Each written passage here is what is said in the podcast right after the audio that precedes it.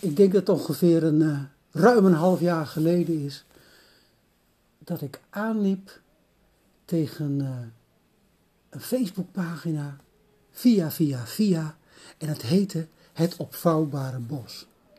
Nou, als je bij mij zo'n beeld geeft, zo'n zo'n titel geeft, dan krijg ik allemaal associaties. Ik vraag me niet waarom, maar op een of andere manier moest ik denken aan een groot bos met berenklauwen, wat je op kon vouwen. Achteraf bleek het een, uh, vooral een, uh, een pagina te gaan over gedichten. En de, de dichteres had een gedicht geschreven dat heette Het Opvouwbare Bos. En ik heb het toen beloofd dat ik niet wil dichten op dit moment, maar dat ik wel wilde een verhaal maken voor haar, voor die pagina. En dat zou heten Het Opvouwbare Bos. Inmiddels heb ik er een andere titel gegeven. En voor mij heet het nu Het Zilvergrijze Koffertje.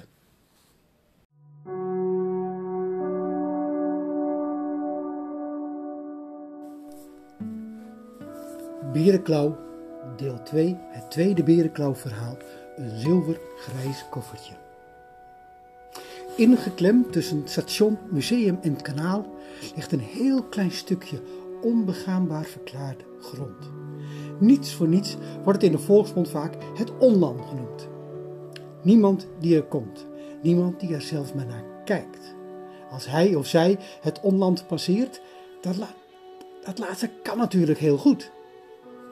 Je komt er vaak langs als je over de voetgangersbrug vanaf het station naar het centrum loopt. Een klein stukje. En dan moet je een klein stukje met je hoofd naar links draaien en je blik valt op een woest verspreiding van planten. Vooral het groot hoefblad wat op met zijn enorme, reusachtige bladeren die de meeste andere planten aan het oog onttrekt. Uitgezonderd de blerenklauw natuurlijk die op geheel eigen wijze het onland probeert te domineren. Je kijkt nooit in de richting van het onland. Dat doe je gewoon niet.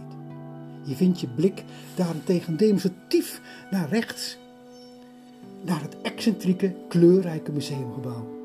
Je knipt zelfs, elke keer weer, omdat dit museum laat zien dat de mens in staat is tot het creëren van een bijzondere vormen.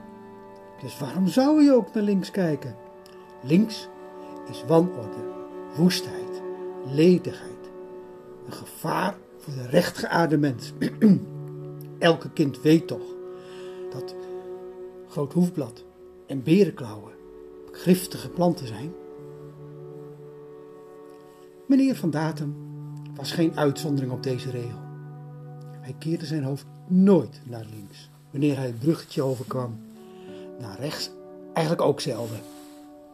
Het museumgebouw kende hij zo langzamerhand wel.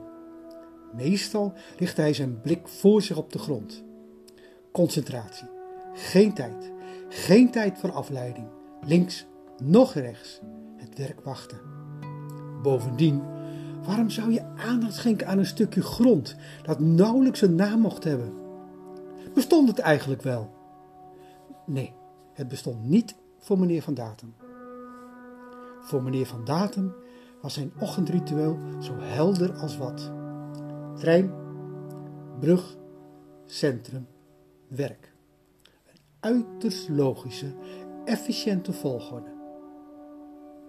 Het geschiedde echter dat meneer Van Datum zich op het verkeerde moment, op de verkeerde plaats, zich bewust werd van een verkeerde prikkel. Een overvolle blaas. Dit was hem in de 14 jaar dat hij deze dagelijkse gang naar het werk maakte, nog nooit eerder overkomen. Echt, echt nooit. En nu, midden op de voetgangersbrug, terwijl het donkere water uiterst kalm en traag onder hem doorstroomde, moest hij opeens hoognodig plassen. En zo nodig moest hij dat hij zeker wist dat hij nooit en te nimmer probleemloos het kantoor met toilet zou kunnen bereiken. En wat is dan goede raad? Hier op de brug, in het openbaar, geen sprake van. Het museum was nog gesloten En het station was nog ver weg. Het was ver weg. Na een snelle blik naar alle kanten, de kust leek veilig, liep meneer Van Daten met het schaam erop op te kaken het onland in. En even later, gelukkig, wat een opluchting. En niemand had hem dankzij de metershoge planten vanaf de openbare weg kunnen zien. Meneer Van Daten haalde diep adem om weer tot zichzelf te komen. Nu moest hij nog zo onopvallend mogelijk weer terug op de doorgaande route langs het museum op weg naar het centrum zien te komen. De zacht buivende berenklauwen en het struisende groot hoefblad boven zijn hoofd desoriënteerden hem. Welke kant moest hij nu op?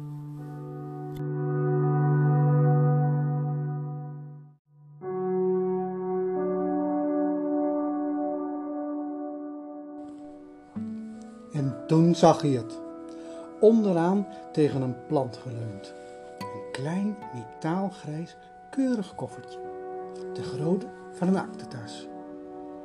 Wie liet in vredesnaam zo'n koffertje slingeren? Hier in dat stukje onderhand dat iedereen vermeed. Het kon haast niet anders of iets illegaals, iets crimineels, iets gevaarlijks. Afblijven, dacht meneer Van Daten direct. Je hebt niets gezien, je weet niets, je zegt niets. Voor de boosaardige toeschouwer ben je slechts een toevallige voorbijganger, die even heel, heel nodig moest. Niet zo gek op zijn leeftijd toch? Al was dit uiteraard bij hem nog nooit eerder het geval geweest. Maar nu moest hij verder, ongezien het onland verlaten. Opschieten, het werk wachten, belangrijk werk zelfs. Een man met een missie was hij. Snel, straks kwam hij nog te laat.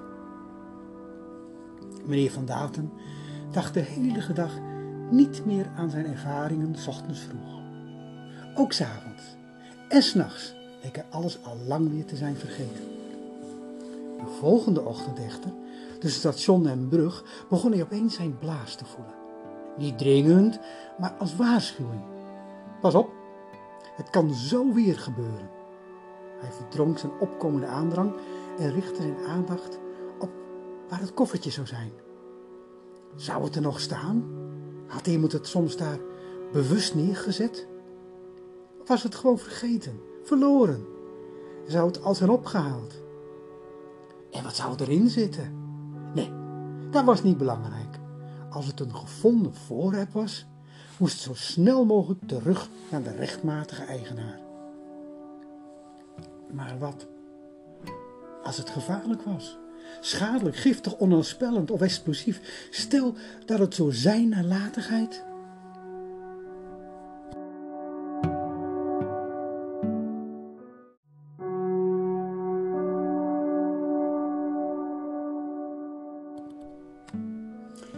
Meneer Van Datum ging een kijkje nemen tussen de reuzenplanten, waar niemand ooit kwam. Maar misschien moest die niemand ook wel nodig. Dat kan toch? Of misschien het koffertje stond er nog, in dezelfde schuine stand geleund tegen de stam van een grote, breed uitwaaiende berenklauw. Nu kon hij niet meer doen alsof het er niet was. Het koffertje van gisteren had hij wellicht nog als een illusie kunnen afdoen, maar vandaag stond het bewijs pal voor hem. Een gevonden voorwerp. En dat hoorde je mee te nemen en bij de juiste instantie af te geven zonder eerst stiekem erin te kijken. Dat was louter een ongewenste vorm van nieuwsgierigheid. Je kon nog beter. Meneer Van Datum besloot dat het soms, nu dus, beter was een oogje toe te knijpen. Dan zag je tenminste niets. Dan hoefde je ook niet. Dan kon je gewoon verder met de dingen die werkelijk van belang waren. En dat ging wonderwel goed af. Tot de volgende morgen. Bij het passeren van de voetgangsbrug over het kanaal tussen station en museum en schier onbedwingbare nieuwsgierigheid bij hem postvatten. Zou het koffertje nu wel of niet? Het stond er nog steeds. Op dezelfde plek, in dezelfde scheve stand, tegen dezelfde reusachtige berenklauw. De drie keer is scheepsrecht. Drie keer is scheepsrecht. Nu moest hij wel er iets mee. Voorzichtig, bang dat er iets onvoorstelbaars zou gebeuren, liep meneer van Datum het koffertje af. Ook van dichtbij leek het erg alsof er niets het sinds gisteren of eergisteren er had aangeraakt.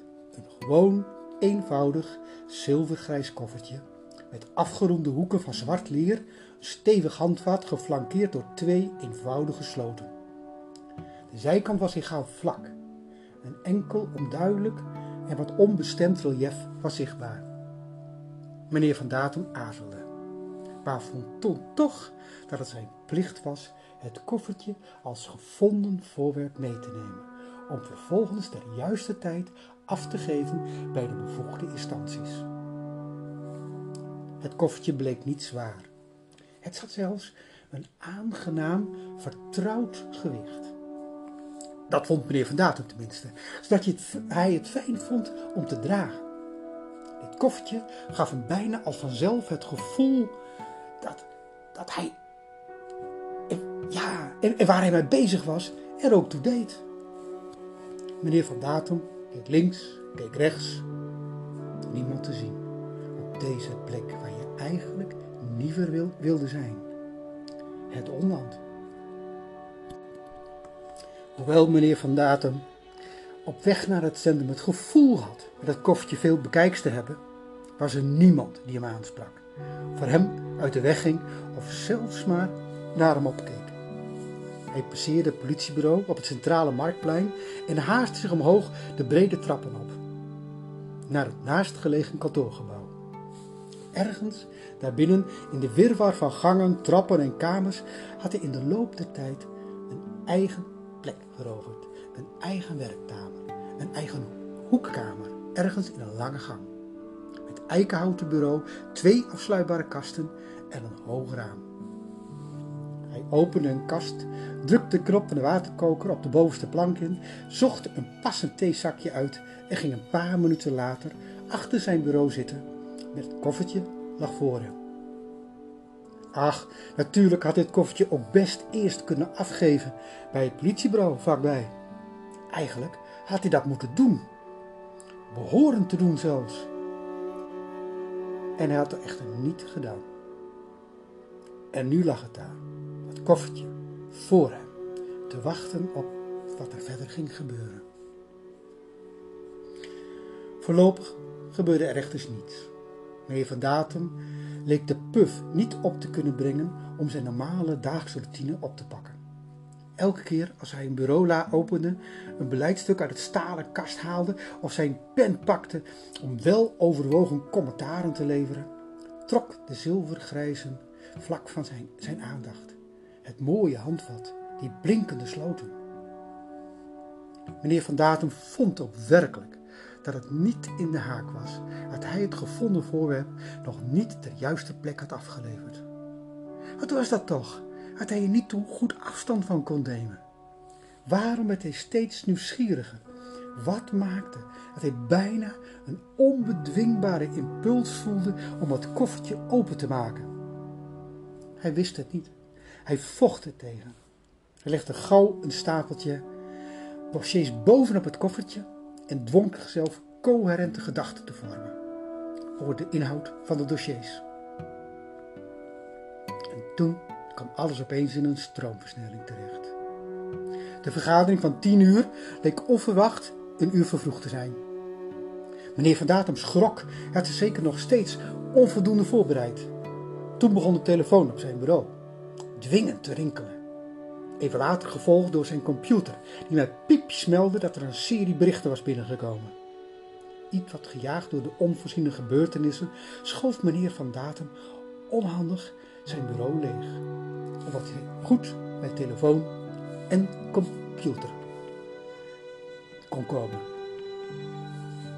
Het koffertje op de grond, evenals de dossiers die er bovenop lagen gelegen, viel op de grond. Meneer Van Datum dook elegant naar de grond om te redden wat er nog te redden viel.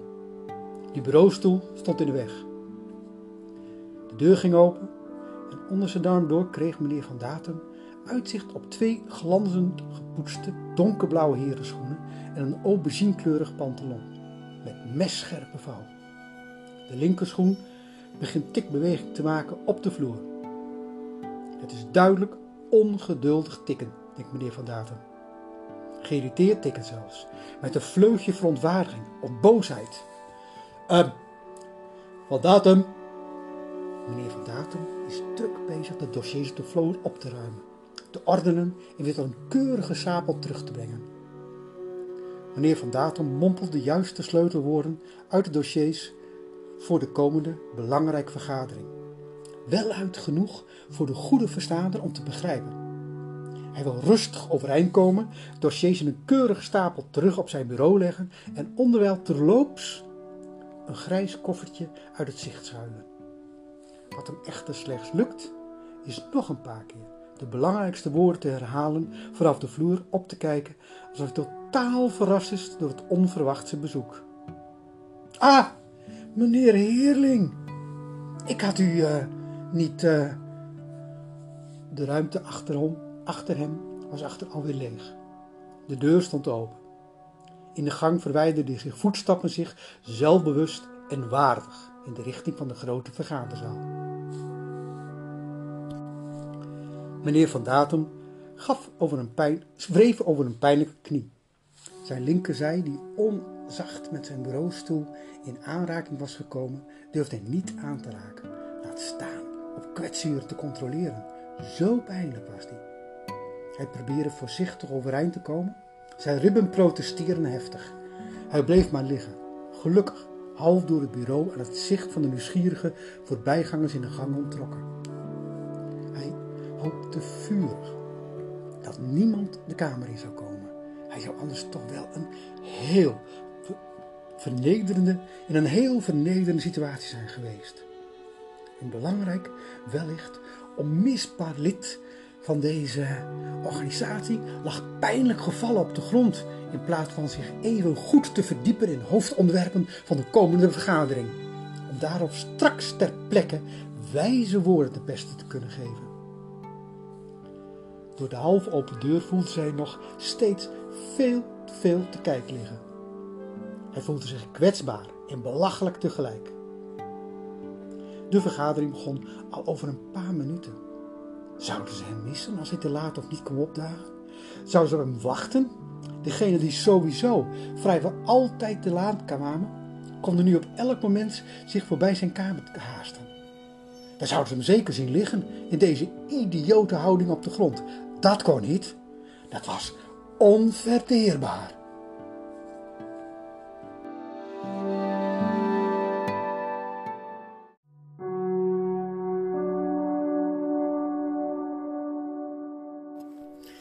Meneer Van Datum wilde wel onder de eerste de beste grote steen wegkruipen.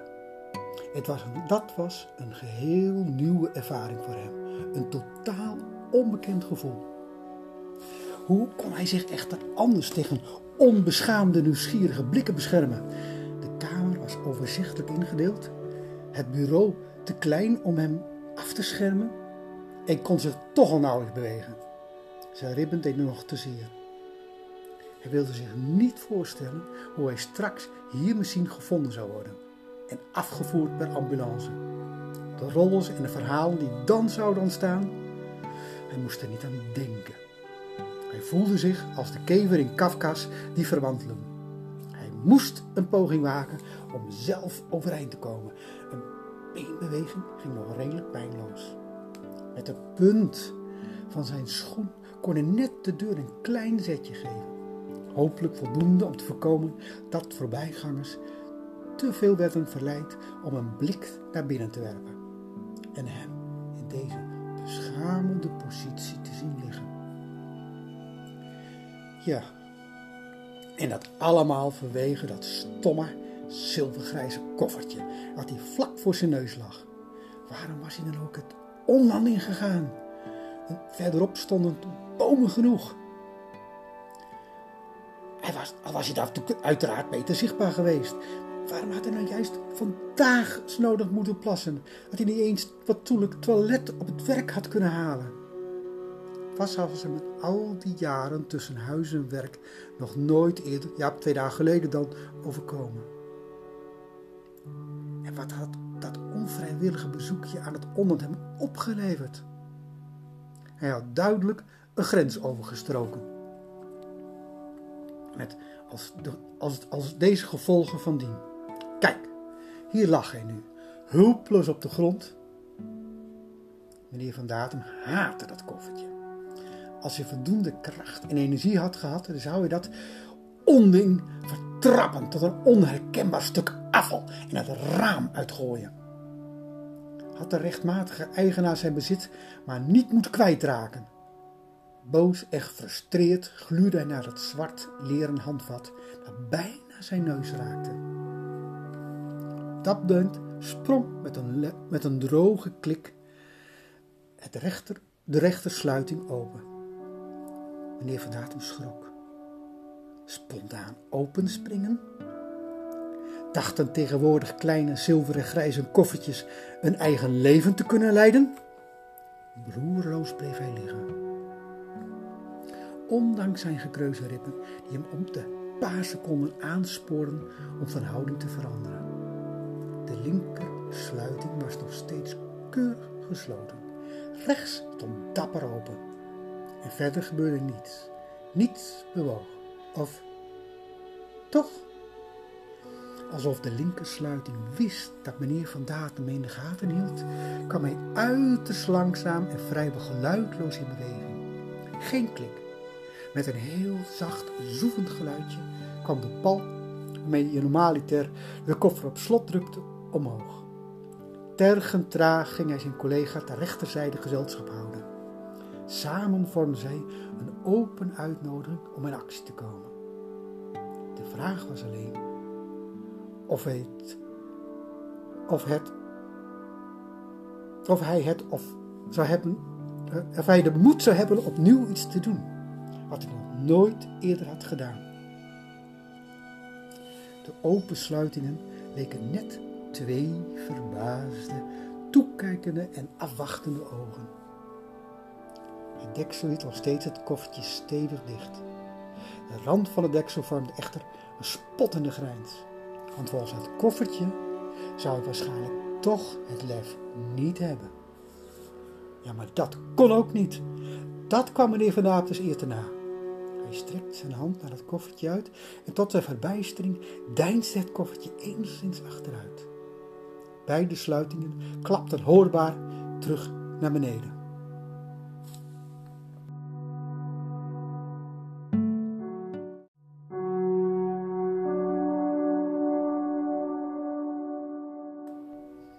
Achter en boven meneer Van Datum werd een beschaafde keel geschraapt. Twee blauwe schoenen verschenen in zijn blikveld. Uh, van Datum, de vergadering is reeds begonnen. Heb je je spullen al bij elkaar? Meneer Van Datum zweeg. Hij knikte stom en veegde de opengevallen dossiers bij elkaar. Uh, uh, akkoord, dan, akkoord. Dan verwacht ik je zo in de grote vergaderzaal. Schiet wel op. We hebben jouw inbreng hard nodig. Er moeten vandaag diverse belangrijke knopen worden doorgehakt. De schoenen verdwenen weer. Voetstappen verwijderden zich in een waardige dans de gang af. Meneer Van Datum sloot de ogen. Een traan ging langs zijn neusbrug en over zijn wang naar beneden. Wat een vernedering. Zo pijnlijk. Twee keer een bescheiden klik Meneer Van Datum sperde zijn ogen open. Het deksel stond weer een klein stukje omhoog. De ontstane spleet was echter te smal om te kunnen zien wat er in het koffertje zat. Meneer Van Datum hoorde wel wat. Als hij de gangbare kantoorgeluiden negeerde, hoorde hij zeker wat. Iets onbestemds nog, wat hem wel bekend voorkwam. Hij schoof een hand naar het koffertje, duwde aarzelend het deksel wat verder omhoog. En ja, daar klonk het nu luid. Luider en duidelijk. Ja, ja, maar ja, dat was toch onmogelijk? Uit het koffertje klonken vogelgeluiden. Vogelgeluiden? een roodbosje, een koolmeesje en zelfs een merel. Meneer van Datum vergat, ja, bijna, zijn gekwetste ribben en kwam moeizaam overeind. Hij leunde met zijn rug tegen het bureau uit het zicht van de open deur en met het koffertje op zijn schoot. De verweesde dossiers schoof hij aan de kant. Hij pakte de hoekpunten van het deksel en opende langzaam het koffertje. Uiterst langzaam. Bang als hij was dat de zwerm vogels zouden ontsnappen. Het enige wat er echter gebeurde, was dat de vogelzang luider werd. Zijn hele kamer vulde en alle kantoorgeruiten naar de achtergrond drong. Ondanks de hevige pijn, vooral in zijn ribben, verscheen een vredige glimlach om zijn mond. Wauw, mooi. Hij sloeg de handen voor het gezicht om zich beter te concentreren. Zodra hij het kloftje losliet, zwegen de vogels echter. In de hang hoorde hij verlaten collega's voorbij draven. En enkeling riep een groet de kamer in en liep verder zonder op antwoord te wachten. Of te checken of meneer Van Datum wel aanwezig was. Meneer Van Datum greep het koffertje weer vast en direct verdrong de dagelijkse geluiden in de vogelgezang. Ah, wat heerlijk. Hij voelde zich helemaal tot rust komen. Hij ho hoorde hij daar op de achtergrond niet ook nog een vrolijk timmerende specht? Zijn glimlach verbreedde zich nog verder. Hij sloot de ogen en luisterde. Leek alsof stress, pijn, irritatie, werkdruk en lastige collega's oneindig ver weg achter de horizon verdwenen. Hij zuchtte diep, heel diep. En toen nog een keer. En een grote loomheid doorstroomde zijn hele lichaam. Nog even en hij zou in diepe slaap verzinken zijn. Verzonken zijn. Hij voelde zich daadwerkelijk, hoe hij, daadwerkelijk werd gekoesterd in Morpheus armen. Dag vergadering, dag werk, dag kantoor, dag meneer Leerling, dag, dag allemaal. Hij opende een lodderig oog, alleen maar met de bedoeling om deze naar een korte omgevingcheck weldadig weer te sluiten. Het raam weerkaatste het beeld van zijn kamerdeur. In de deur stond een silhouet. Hij had zijn andere oog nodig om te begrijpen wie dat was. Met tegenzin wendde hij zijn blik naar de deur. Ach, het maakte ook niet uit wie er stond. Dankzij de vogels kon ik toch niet verstaan wat deze persoon tegen hem wilde zeggen. Het was in ieder geval iemand die iets van hem wilde, verwachtte, eiste. En wel terstond, direct, nu. Vergadering, overleg, besluitvorming. Ah, zucht. Koolmees, specht, merel, roodborstje en al die andere vogels probeerden hem er nog van te weerhouden, maar een jarenlang getraind plichtbesef dwong hem tot het koffertje los te laten, dossiers bij elkaar te graaien en voorzichtig en pijnlijk overeind te krabben. In zijn bureaustoel hangend moest hij even op adem komen. Het zweet stond op het voorhoofd. Zijn ribben klopten oorverdovend van de pijn. Hij praatte zichzelf moed in. Hij mompelde toen enigszins formalistisch uh, ik, ik, ik, ik ben, ben, ben bereid en gereed. In de deuropening stond echter alleen niemand meer om te horen. De gang was leeg.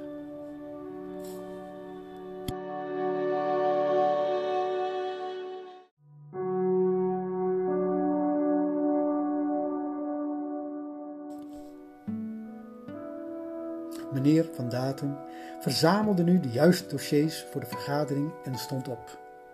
Zijn blik viel op het koffertje. Nog een keer, dacht hij, nog even een beetje extra moed en rust. Hij legde het koffertje op zijn schoot en opende tot een kiertje.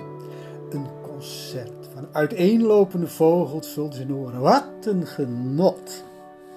Hij haalde zo diep mogelijk adem en dronk de geluiden uit het koffertje naar binnen, dat hij zijn buik warm en rustig aan voelde worden.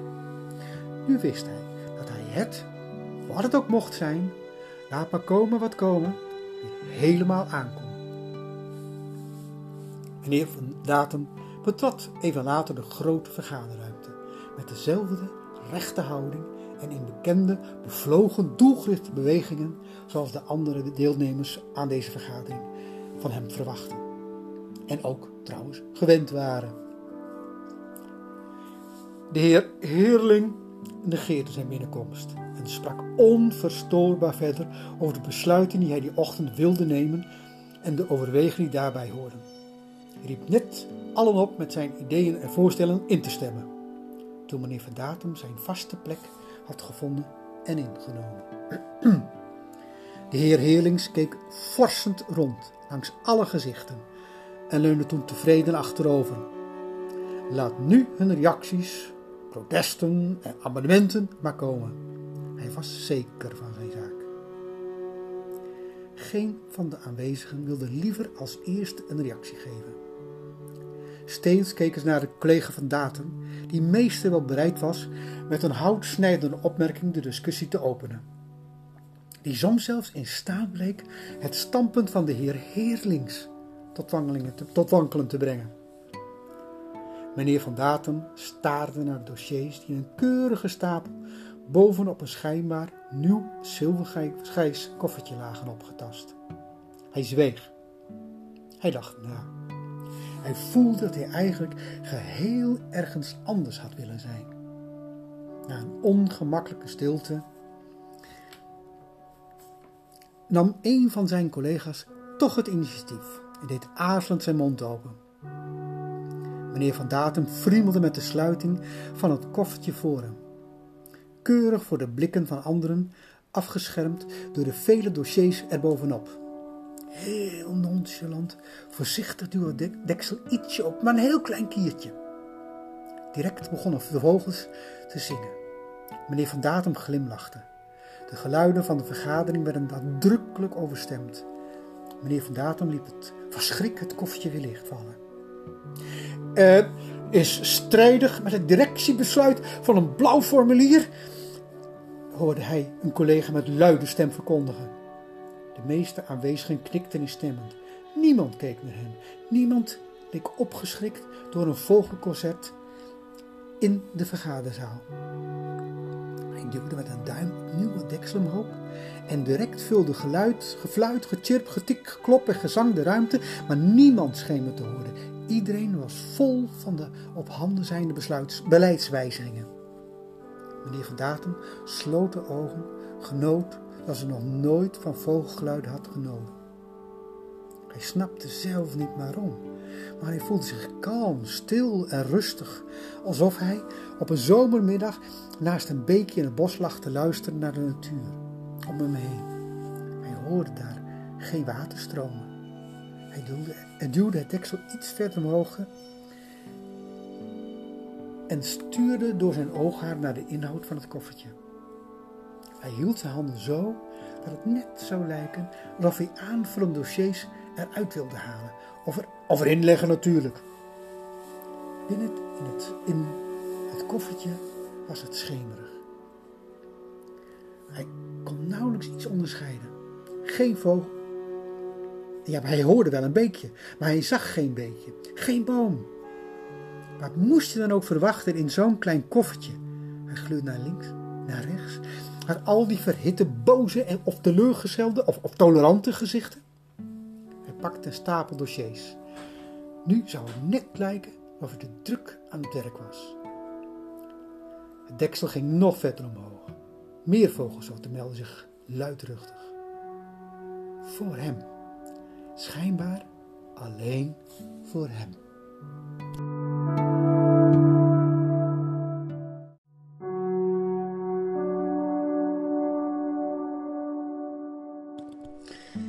Meneer Van Datum knipperde ongelovig met de ogen. Hij had vooraf de raarste voorstellingen over de inhoud gehad, maar dit, dit niet. Voor hem in het koffertje was een driedimensionale afbeelding van een dicht bos berenklauwen. Gemengd met een groot hoefblad. En midden in het bosje, tegen de stengel van een grote berenklauw geleund, stond een heel klein zilvergrijs koffertje. Meneer Van Datum slikte. Dit was te gek voor woorden. In het koffertje lag een miniatuurversie waarin datzelfde koffertje had gevonden. Het grote verschil met de werkelijkheid van deze ochtend was dat er geen stad en geen museum, geen brug of station was te zien. In deze kofferversie van de werkelijkheid lees achter de berenklauw een groot hoefblad en groot hoefblad de contouren van een bos op. Een bos vol leven. Gekwinkeleer, gechilp, gefluit, geroep. Elke bosvogel leek in dit kofferbos te zijn vertegenwoordigd. Fascinerend. Ik kwam een ongekend sterk verlangen naar hem op om uit de vergadering te stappen en dat bos in te lopen. Elke vogel leek er hem, naar hem te roepen, hem persoonlijk te verwelkomen. Hij, Carolus van Datum. Nou, sorry.